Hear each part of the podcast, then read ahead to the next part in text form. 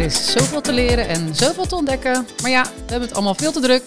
Daarom bespreken we in deze podcast onderwerpen waar iedereen in zijn of haar leven wel eens vragen over heeft. Ik ben Sharina van Interchange en dit is Tijd Tekort, de podcast.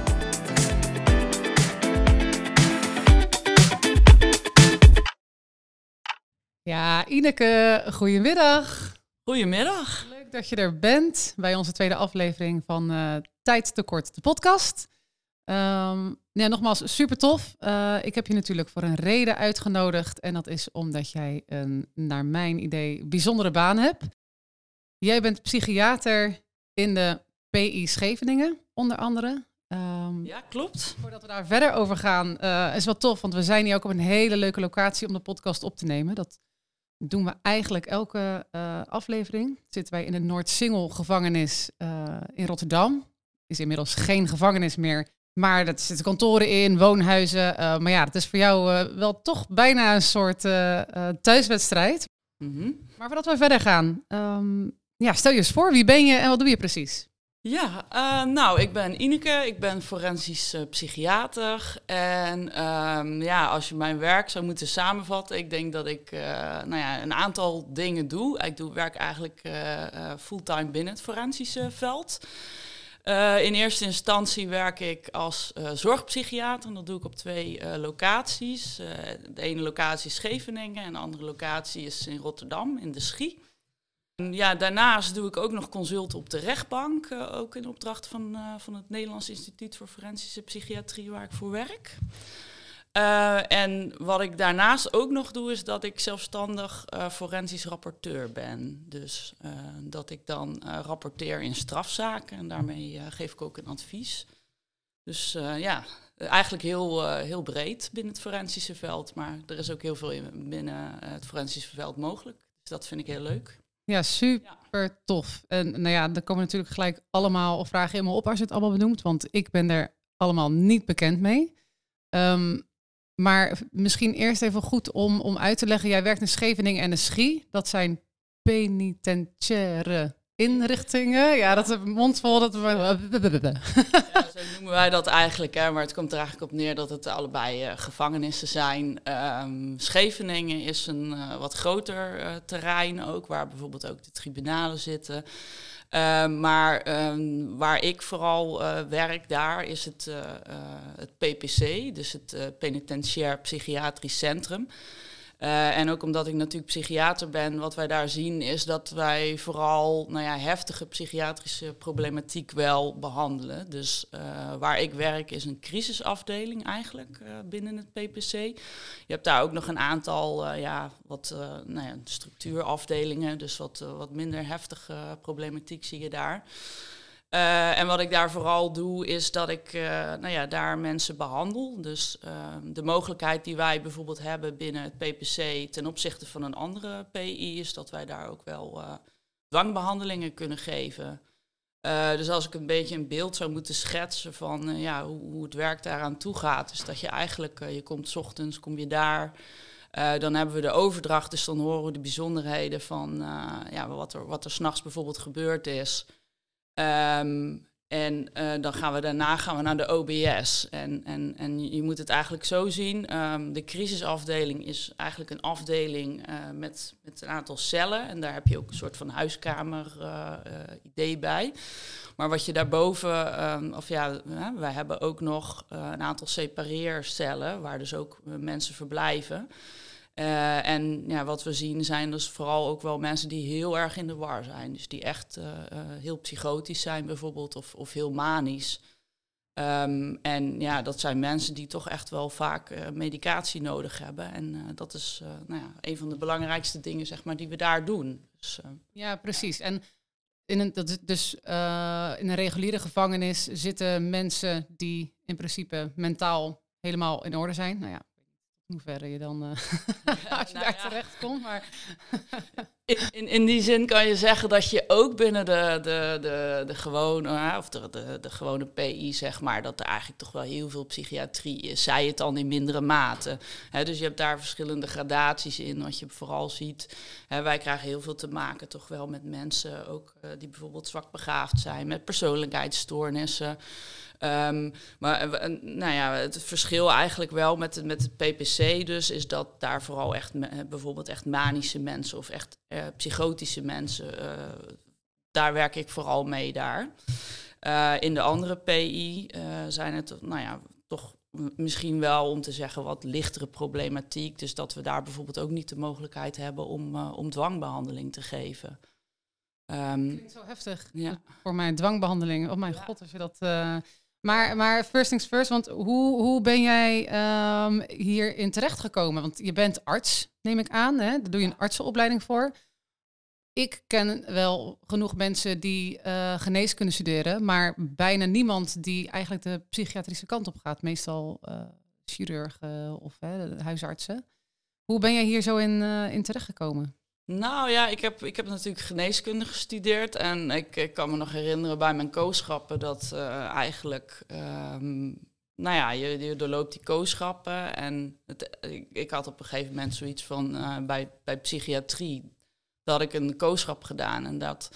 Um, ja, wat ik vooral heel fascinerend vond, was dat ik zag. Dus dat iemand die psychotisch was, dat die zodanig in de war was uh, en dat je die mensen dus niet kon overtuigen van dat, ze een, uh, dat, ja, dat het een psychiatrische ziekte is. Dat vond ik iets wat, wat mij fascineerde en wat, wat ik uh, heel bijzonder vond. Dat je mensen dus daar niet van kan overtuigen. En dat, dat echt de waanideeën. en uiteindelijk heeft dat ook wel gemaakt dat ik eigenlijk nou ja, het was ook eigenlijk het enige kooschap wat ik leuk vond, maar waar ik meteen merkte dat ik heel enthousiast was en dat ik ook dacht, laat mij die gesprekken maar doen. En als ik dat nu zo terugkijk, hè, ik heb uiteindelijk dus uh, mijn opleiding afgemaakt. Ik uh, um, ben in de psychiatrie gaan werken, maar dan werk je wel in een reguliere GGZ. Daar ben ik ook in opleiding gekomen tot, uh, tot psychiater. Um, maar nog steeds uh, zijn de mensen met echte psychotische stoornissen um, ja, toch wel de, de patiëntenpopulatie uh, nou ja, die, mij het meest fascineert en waar, waar ik het ook heel leuk vind om mee te werken. En dat zie ik natuurlijk uiteindelijk ook wel terug uh, in het werk wat ik nu doe. Um, en het is ook, uh, ja, het werk wat ik doe binnen het forensische veld is niet iets wat standaard is, ook bij de opleiding tot psychiater. Het is echt een, een keuzestage, maar um, het zijn wel dingen um, ja, waarvan de, gevangeniswereld heeft mij eigenlijk altijd ook wel uh, gefascineerd. Dat je, dat je ook wel het idee hebt van, goh, wat, uh, wat speelt zich daar binnen die muren allemaal af? En ook als ik de kans krijg om tijdens mijn opleiding uh, toch eens een keer daar binnen te kijken. Want op dat moment wist ik natuurlijk ook nog helemaal niet of het iets voor me was. Dan dacht ik van nou, dat, dat lijkt me sowieso al leuk gewoon om een keer te doen. En om eens te kijken hoe het uh, daaraan toe gaat. Ja. Want het is ook iets wat natuurlijk wel tot de verbeelding uh, spreekt. Ja, het is een gesloten wereld. Dus je komt er niet zo snel terecht natuurlijk.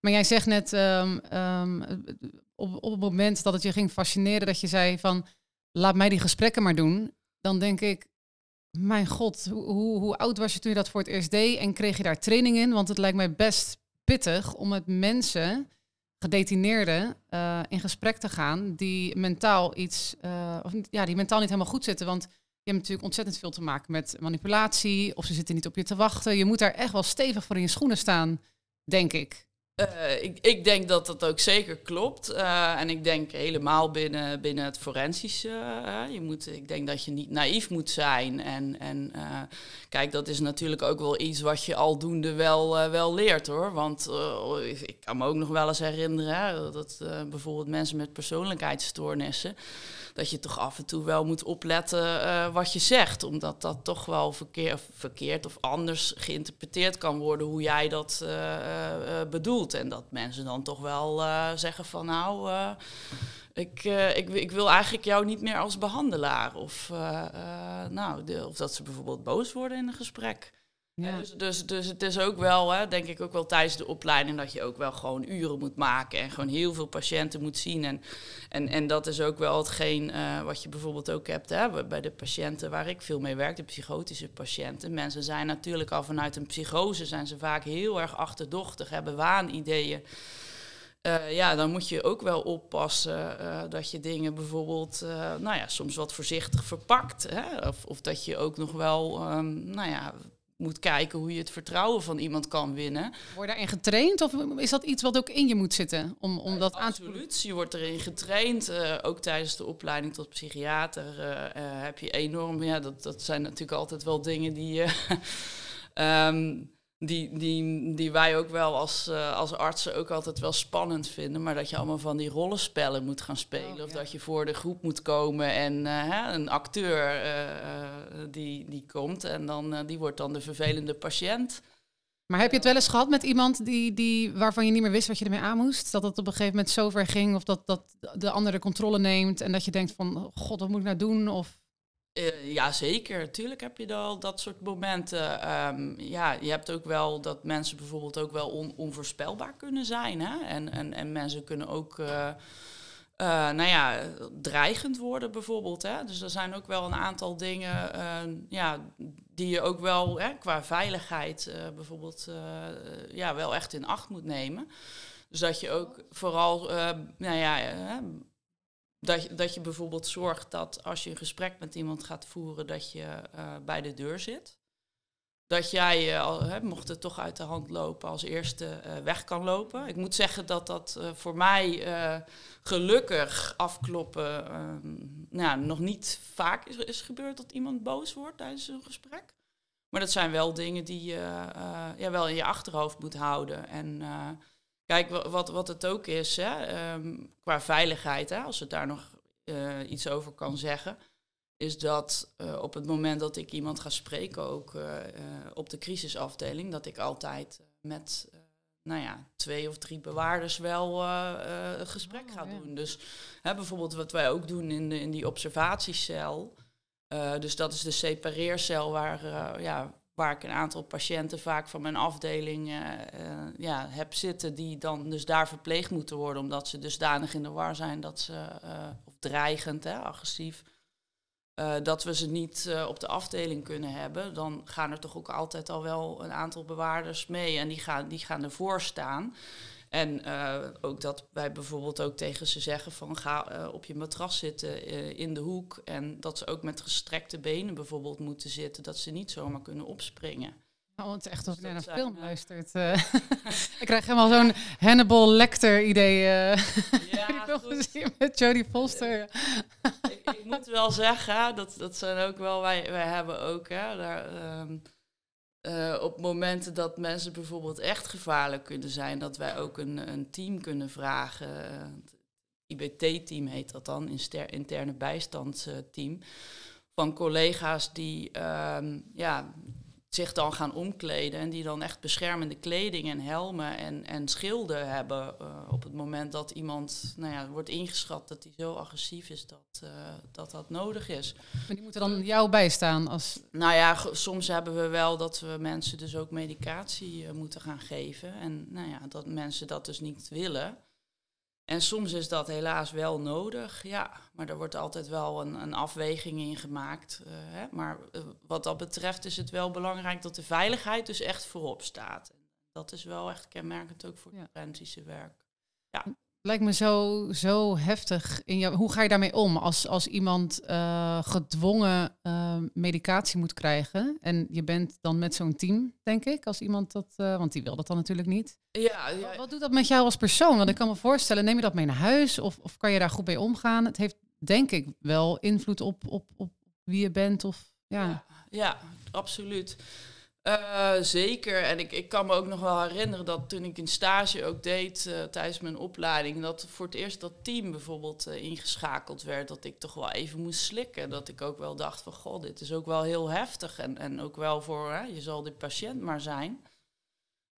ja, aan de andere kant denk ik wel dat het, nou ja, dat het wel heel belangrijk is. Hè? En, en ook denk ik ook over de soort problematiek wat wij behandelen, zeg maar Dat, dat zijn vaak wel mensen met echt een onderliggende psychotische stoornis. Dus dat zijn wel mensen met echt een schizofrenie die uh, enorm in de war zijn dus. En dat als je die dus niet behandelt met, met die medicatie, dat dat niet vanzelf overgaat. Hè? Dus in die zin kan je vaak wel ook al heel snel resultaten boeken als je iemand uh, die medicatie ook geeft. Hm. En, en, en wat ik ook het leuke hiervan vind, en dat je mensen ook echt ziet opknappen. Dat dat heel snel kan. En dat je dan daarna, hè, in het begin dat je denkt, oh, dat is iemand die nou ja, heel, heel uh, dreigend is. En daarna blijkt het gewoon iemand te zijn die een hartstikke leuke persoonlijkheid heeft, bijvoorbeeld. Dat kan. Ja. Dus je kan mensen echt wel uh, zien opknappen. Ja, dan heb je nog wel, hoe zeg je dat, een soort eervol werk. Dan heb je resultaat van je werk, zeg maar. Dat, dat, is het ook wel, hè? dat je denkt van... Um, in het begin dacht ik ook wel van, nou, dat, dat is wel nou ja, heftig werk. En ook als je weet wat mensen bijvoorbeeld voor delicten hebben gepleegd. Dat je ook wel denkt van uh, dit zijn wel. Wil je diegene ook wel helpen, denk ik dan? Mijn god, ja. ja. Maar aan de andere kant, um, ja, het zijn ook mensen. En, en ik denk dat je die menselijke kant van ook wel moet belichten. En, en, en dat is ook wat je natuurlijk ook heel veel van collega's terug hoort. Uh, we zijn allemaal mensen en, en uh, ja, ook al heb je een, een, een delict begaan, ja, dat betekent toch nog dat je ook wel uh, nou ja, ook een goede behandeling nodig hebt. En, en, en die ook verdient eigenlijk, toch wel. Ja, nou, dat vind, ik, dat vind ik wel mooi. En uh, um, wie besluit er dan wat voor behandeling er plaats gaat vinden? Ben jij degene die dat beslist als psychiater zijnde? Of gaat het in overleg? Of hoe, hoe, ja, hoe werkt dat? Wij werken eigenlijk altijd samen in een team. Um, dus... Um, ja, uh, we hebben bijvoorbeeld verschillende teams. Ik heb uh, in, in, in de Schiep bijvoorbeeld hebben wij uh, een team met vooral psychologen. Die, ik werk daar dan één dag in de week. En dan zie ik vooral de mensen voor medicatie bijvoorbeeld. Hè.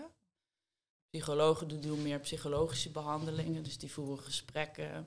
maar ook nou ja, bijvoorbeeld traumatherapie, cognitieve gedragstherapie. Er zijn allerlei therapieën die je kan geven. Dus we bespreken dat ook altijd elke week. Hè. Ook mensen die nieuw bijvoorbeeld zijn bij ons op de afdeling, uh, die worden dan besproken. En uh, er wordt er ook met elkaar bekeken van, goh, wat is er nou nodig voor deze patiënt? Hè, dus in die zin doe je alles samen. En, en, en dat is ook wat, je in, uh, in, in, wat ik in Scheveningen dus vooral doe. we zijn met een team van psychiaters, maar ja, we hebben natuurlijk ook personeel op de, op de werkvloer. We hebben bewaarders, we hebben nou ja, ook, uh, psychologen. Uh, we hebben sociaal-psychiatrische verpleegkundigen die bijvoorbeeld ook uh, meekijken. Ook met, met dat je eigenlijk iemand komt binnen. Dan gaan we kijken wat er voor behandeling nodig is. Hè? Ik ben dan vooral van de medicatie. Maar we gaan dan ook kijken van, goh, waar moet iemand straks naartoe? Um, wat heeft iemand nodig? Hè? Heeft iemand bijvoorbeeld nog een huis? Of ja, wat is er verder nodig om iemand, stel dat hij weer vrijkomt, uh, toch uh, een beetje verder te kunnen helpen? Want ja. Oh, dus daar hou je je in de gevangenis ook mee bezig. Wat, wat ja. gebeurt er met iemand nadat hij ja, en dat, heeft gezeten? Zeker. En dat we ook kijken van wat is nou goede nazorg voor iemand. Hè? Kan het bijvoorbeeld worden overgenomen door een GGZ of is daar iets forensisch voor nodig? Hè? Of gaat iemand terug naar de begeleide woonvorm waar die vandaan komt? Hoe zit het met uitkeringen? Um, daar hebben we ook allemaal mensen voor om te kijken uh, van uh, nou ja, wat er op dat moment nodig is en wat er dan ook geregeld kan worden. Dus dat, dat iemand niet zomaar op straat gezet wordt. Maar, maar hoe, hoe makkelijk of moeilijk is dat om, uh, om, om zoiets te regelen? Want het is denk ik ook afhankelijk van hoe lang iemand vast heeft gezeten. Iemand die een jaar vastzit, daar is het allemaal makkelijker voor te realiseren, denk ik, dan iemand die twintig jaar ja. heeft gezeten. Nou ja, kijk, het hangt er ook vanaf. Hè. Soms uh, komen er ook mensen bij ons die uh, bijvoorbeeld zitten te wachten ook op TBS. Dus dat ze, uh, nou ja, daar zijn nu enorme wachtlijsten voor. Um, dus we hebben ook wel mensen die bijvoorbeeld um, nou ja, bij ons blijven totdat daar een plek vrij is gekomen en ze dan verder kunnen gaan. Ja, dat vind ik wel een goede. TBS, daar ben ik wel benieuwd naar. Want hoe werkt het nu precies met TBS? Je hoort vaak in de, in de media hoor je uh, allemaal rare verhalen. Um, maar wat vind jij ervan dat, dat als iemand uh, bijvoorbeeld 20 jaar uh, moet zitten En dan eerst vijf jaar naar de gevangenis gaat en daarna pas TBS start. Hoe werkt dat? Wat... Um, nou ja, goed. Ik, uh, ik denk dat het een, een, een misvatting is. Dus ja, om te denken dat de enige behandeling die er plaatsvindt, uh, dat dat binnen de TBS-kliniek is. Uh, dat is niet zo. En natuurlijk wat ik net ook verteld heb, is dat de behandeling eigenlijk al... In feite kan het zo zijn dat iemand rechtstreeks van de rechtbank afkomt uh, nog niet is afgestraft en dat er wel al behandeling plaatsvindt, bijvoorbeeld uh, bij PPC waar ik werk, maar het kan ook in de reguliere PI zijn. Um, dus ik denk dat het ook belangrijk is om dat ook te, hè, duidelijk te maken, dat, dat de behandeling niet alleen maar binnen de TBS-kliniek plaatsvindt. Wat is dan het verschil dat, dan, dat je al een behandeling krijgt en daarna TBS? Wat is daar dan het verschil tussen? Ik ben echt een leek, hè? Ik, ik weet niet hoe dat werkt. Nou ja, eh, TBS is natuurlijk ook wel, uh, uh, ja, hoe daarover gedacht wordt, is in feite kan je dat opgelegd, hè, ter beschikkingstelling, je kan dat opgelegd krijgen en dan kan je eeuwig, kan dat verlengd worden en dat betekent dat je uiteindelijk nooit meer vrijkomt.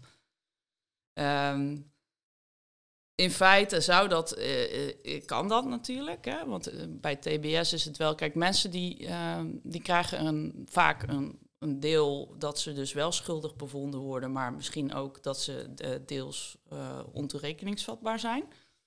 Dus vaak heb je dan dat ze toch een deel van de gevangenisstraf moeten uitzitten en dat ze daarna uh, behandeling toch nog binnen een TBS-kliniek bijvoorbeeld moeten volgen. En um, ja, daar wordt dan wel gekeken van, uh, uh, maakt iemand stappen? Hè? Uiteindelijk is het ook wel weer met het idee dat als het mogelijk is, dat mensen dan toch weer terug kunnen keren in de maatschappij. Maar soms is dat helemaal niet mogelijk. En ja, dat wordt toch wel ook elke keer weer uh, bekeken na, na, na twee jaar. Dus. En hoe vaak, hoe vaak gaat het nou wel goed? Heb, heb je daar enig idee van? Want wij horen natuurlijk in het nieuws alleen maar dingen wanneer het niet goed gaat. Ja. en dan heb je er weer een mening over. Maar... Het moet toch ook wel goed gaan, neem ik aan.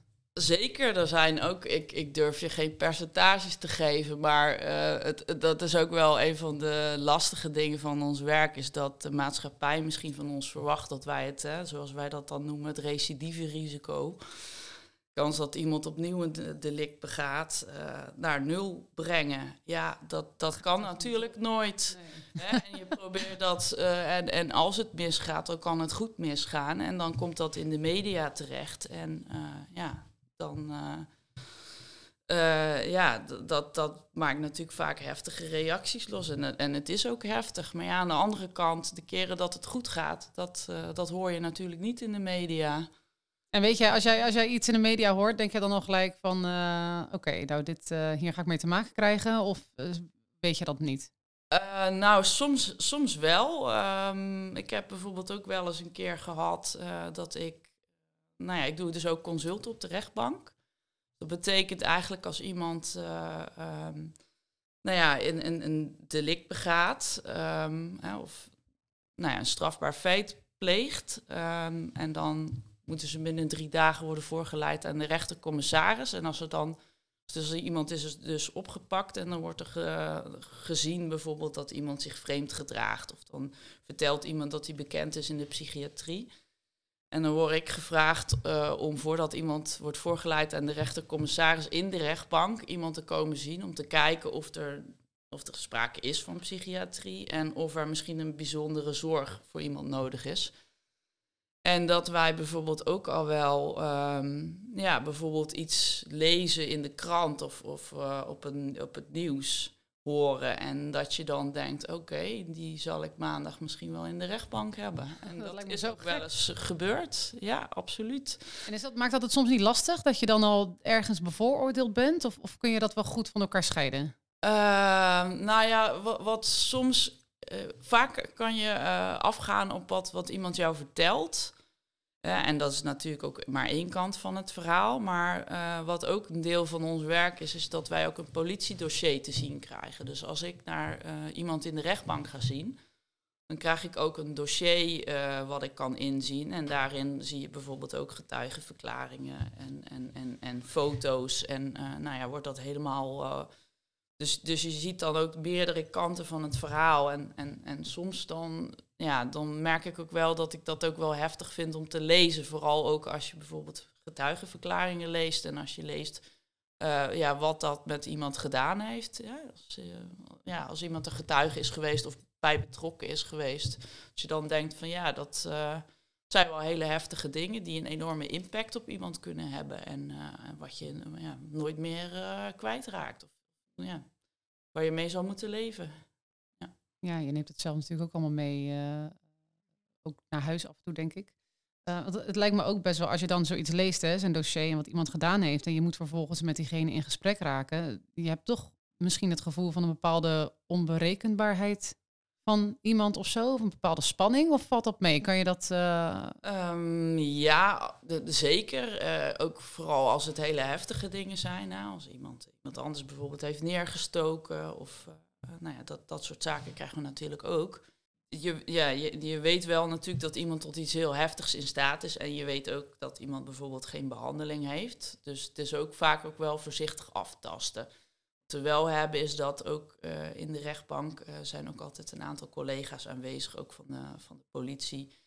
Uh, en ook als je twijfelt, kan je bijvoorbeeld ook even vragen of de deur op een keer kan blijven staan. Dat op het moment dat er toch iets gebeurt, dat, dat je ook snel iemand erbij kan roepen. Ja, je wordt echt aan alle kanten, als psychiater zijn, word je aan alle kanten wel gewoon beschermd. Ja, uh, ja precies. En ik moet ook wel zeggen dat ik me nog nooit zo veilig heb gevoeld als sinds ik voor justitie werk. Oh ja? In die zin... Uh, Veiliger in zo'n kamertje dan s'avonds over straat in Rotterdam. Ja, je weet dat elk moment iemand kan, je die, kan je erbij roepen. Dus dat is wel een fijne gedachte. Hè? Maar uh, ja, aan de andere kant, het is ook zo ingericht, hè, ook met piepersystemen. ja, het, het, is gewoon heel goed geregeld. En, en dat is ook belangrijk. En dat maakt ook dat je je heel veilig voelt. Ja. Ja. Nog even een andere kant op. gewoon over de, de, ja, de, de gevangenis, bijvoorbeeld Scheveningen zelf. Um, ik ben nog nooit in een gevangenis geweest die echt in werking is, zeg maar. Dus het enige wat ik ken zijn de beelden uit de films. Mhm. Maar hoe werkt het nou echt in zo'n gevangenis zelf? Ik, bedoel, ik neem niet aan dat ze allemaal in een oranje pak uh, uh, lopen, maar eh, is er toch een bepaald ding met kleding? Uh, kunnen mensen werken? Hoe, hoe, is het eten? Hoe, hoe, ja, mhm. hoe werkt het? Nou ja, uh, zoals dat uh, misschien in films, uh, hè, oranje pakken, die, die hebben ze niet. um, mensen hebben wel hun eigen kleding. Het komt ook wel voor dat wij, um, nou ja, dat, dat, dat bijvoorbeeld ook mensen worden gedetineerd raken die op straat leven en eigenlijk alleen de kleding hebben die, die ze aan hebben. En dan hebben we ook nog altijd wel uh, een voorraadje. Dus dat, uh, dat mensen toch nog uh, iets anders hebben om aan te trekken, zeg maar. Dus in feite hebben ze wel hun eigen kleding. qua eten, um, ja, het is eigenlijk een, een, een, nou ja, misschien wel, een, het is misschien een gesloten wereld, maar ze, ze hebben wel, hè, bijvoorbeeld je hebt ook de gedetineerde winkel. Dus mensen. Uh, ja, eigenlijk, eigenlijk wel. Um, mensen die krijgen een soort bestellijst. Daar heb je een aantal producten op die je kan kiezen. Daar moet voor betaald worden. Mensen hebben wel uh, geld, vaak uh, een soort van rekening waar familieleden bijvoorbeeld geld op kunnen storten. Dan kunnen ze spullen kopen bij de gedetineerde winkel. Um, een van de eerste levensbehoeften uh, is uh, geen eten, maar dat is uh, rookwaag. en dat zien we dan ook wel, dat hè, mensen bestellen ook altijd wel een pakje check. ja, dat, dat, dat zijn wel toch een van de eerste levensbehoeften. en mensen mogen ook op cel roken. Dat zijn ook misschien oh, ja? die oh, ja, niet meer helemaal van deze tijd. Of ik weet dat in de GGZ dat natuurlijk niet meer mag. Um, ja, verder heb je ook wel de mogelijkheid daar, uh, als je dus geld hebt, ook om boodschappen te doen, uh, om zelf te koken. Dus mensen kunnen wel, uh, nou ja, vaak even een simpele maaltijd maken ze, maar in het weekend wordt er bijvoorbeeld ook door de collega's gekookt. De collega's als in... Uh... Je collega-bewaarders eigenlijk. Oké. die uh, hebben ze het kookproject en dan uh, kunnen mensen opgeven of ze mee willen eten. En dan wordt er vanaf de, vanuit de afdeling wordt eten besteld. Of, of ja, van de winkel en dat wordt dan klaargemaakt. verder heb je ook, dat is misschien ook wel grappig om te vertellen... Ehm, er, er, wordt altijd heel erg gedacht dat het eten in de gevangenis heel vies is. Ik moet zeggen, ik heb uh, zelf een keer uh, heb ik het uitgeprobeerd. Uh, toen ik net in dienst kwam, je hebt daar de, de black box. Dat, dat is eigenlijk een, een, soort zwarte bak waar een, een nou ja, warme maaltijd in zit. Die wordt opgewarmd. En nou ja, daar wordt ook wel over geklaagd. En ik begreep dat, dat er ook wel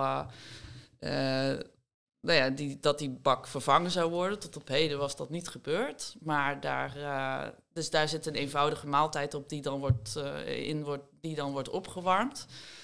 Uh, ik heb het zelf een keer mogen proberen. En ik moet zeggen, ik, ik heb vroeger als toen ik nog studeerde, heb ik een, een baantje in een verpleeghuis gehad. Ik moet zeggen, het eten daar was echt vele malen viezer dan uh, wat er in die blackbox zat. Dus wat dat betreft... Dat niet best.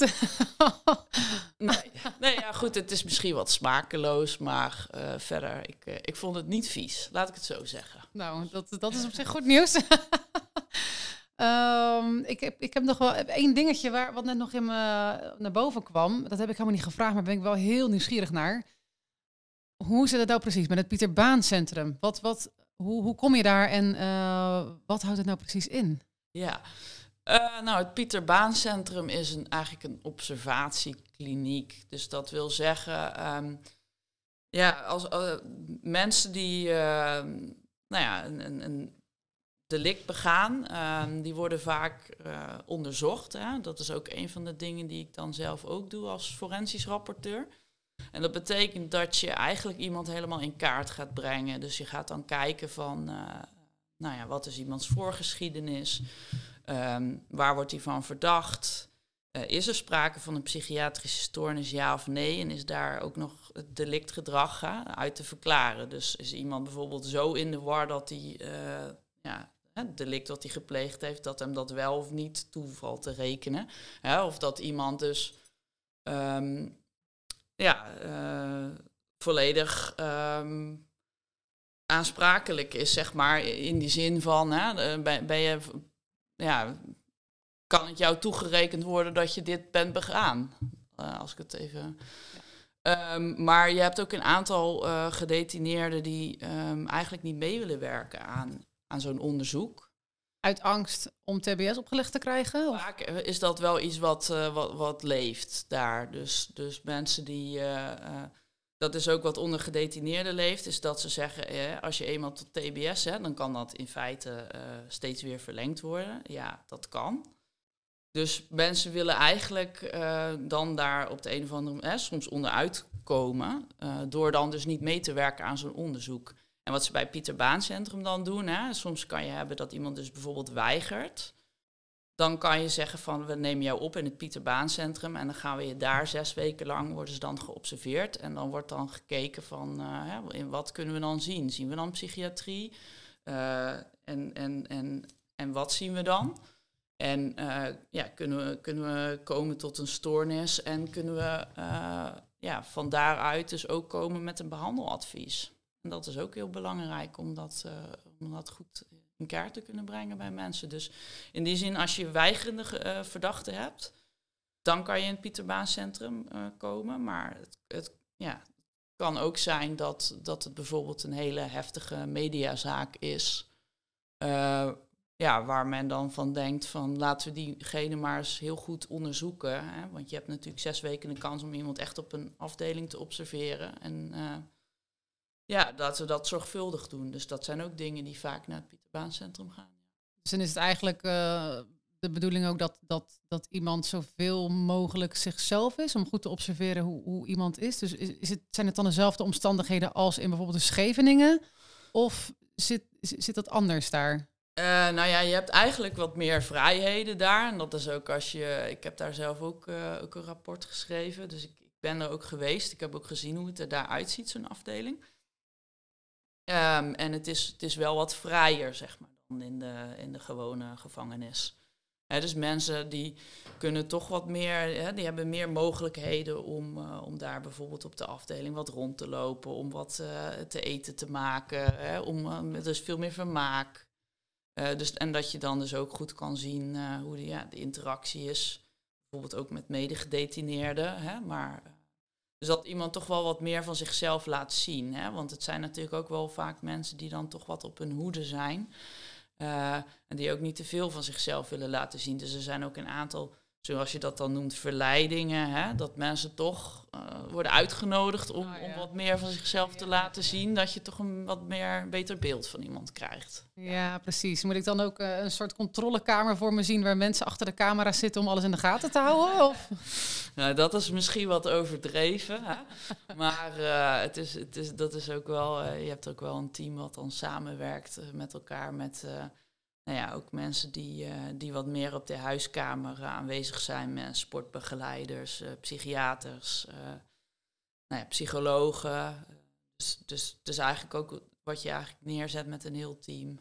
Ja. Hmm, interessant, ja.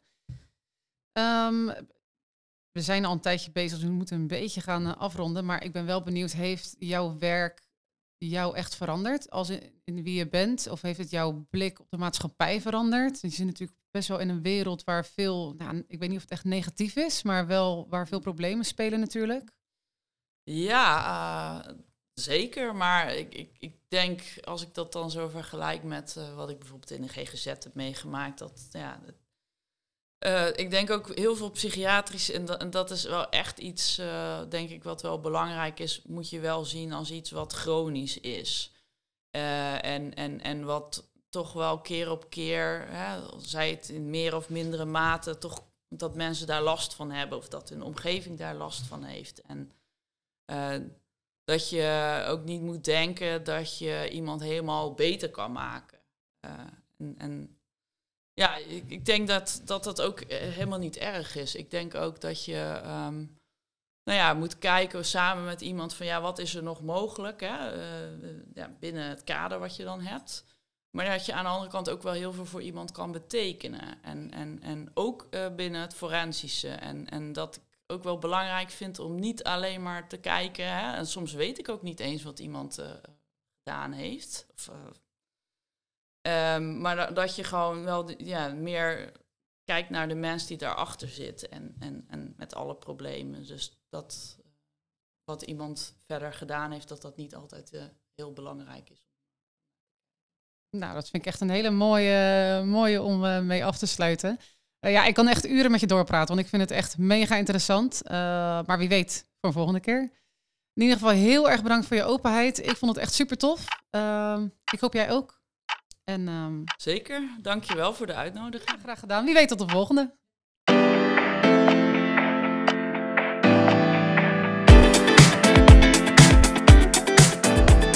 Ja, de tijd vliegt. Dat was hem alweer, deze aflevering van Tijd Tekort. Meer afleveringen luister je natuurlijk in je favoriete podcast-app. En wil je meer weten over mijn werk als consultant in de zorg? Kijk dan op inter-change.nl slash podcast. Tot de volgende keer!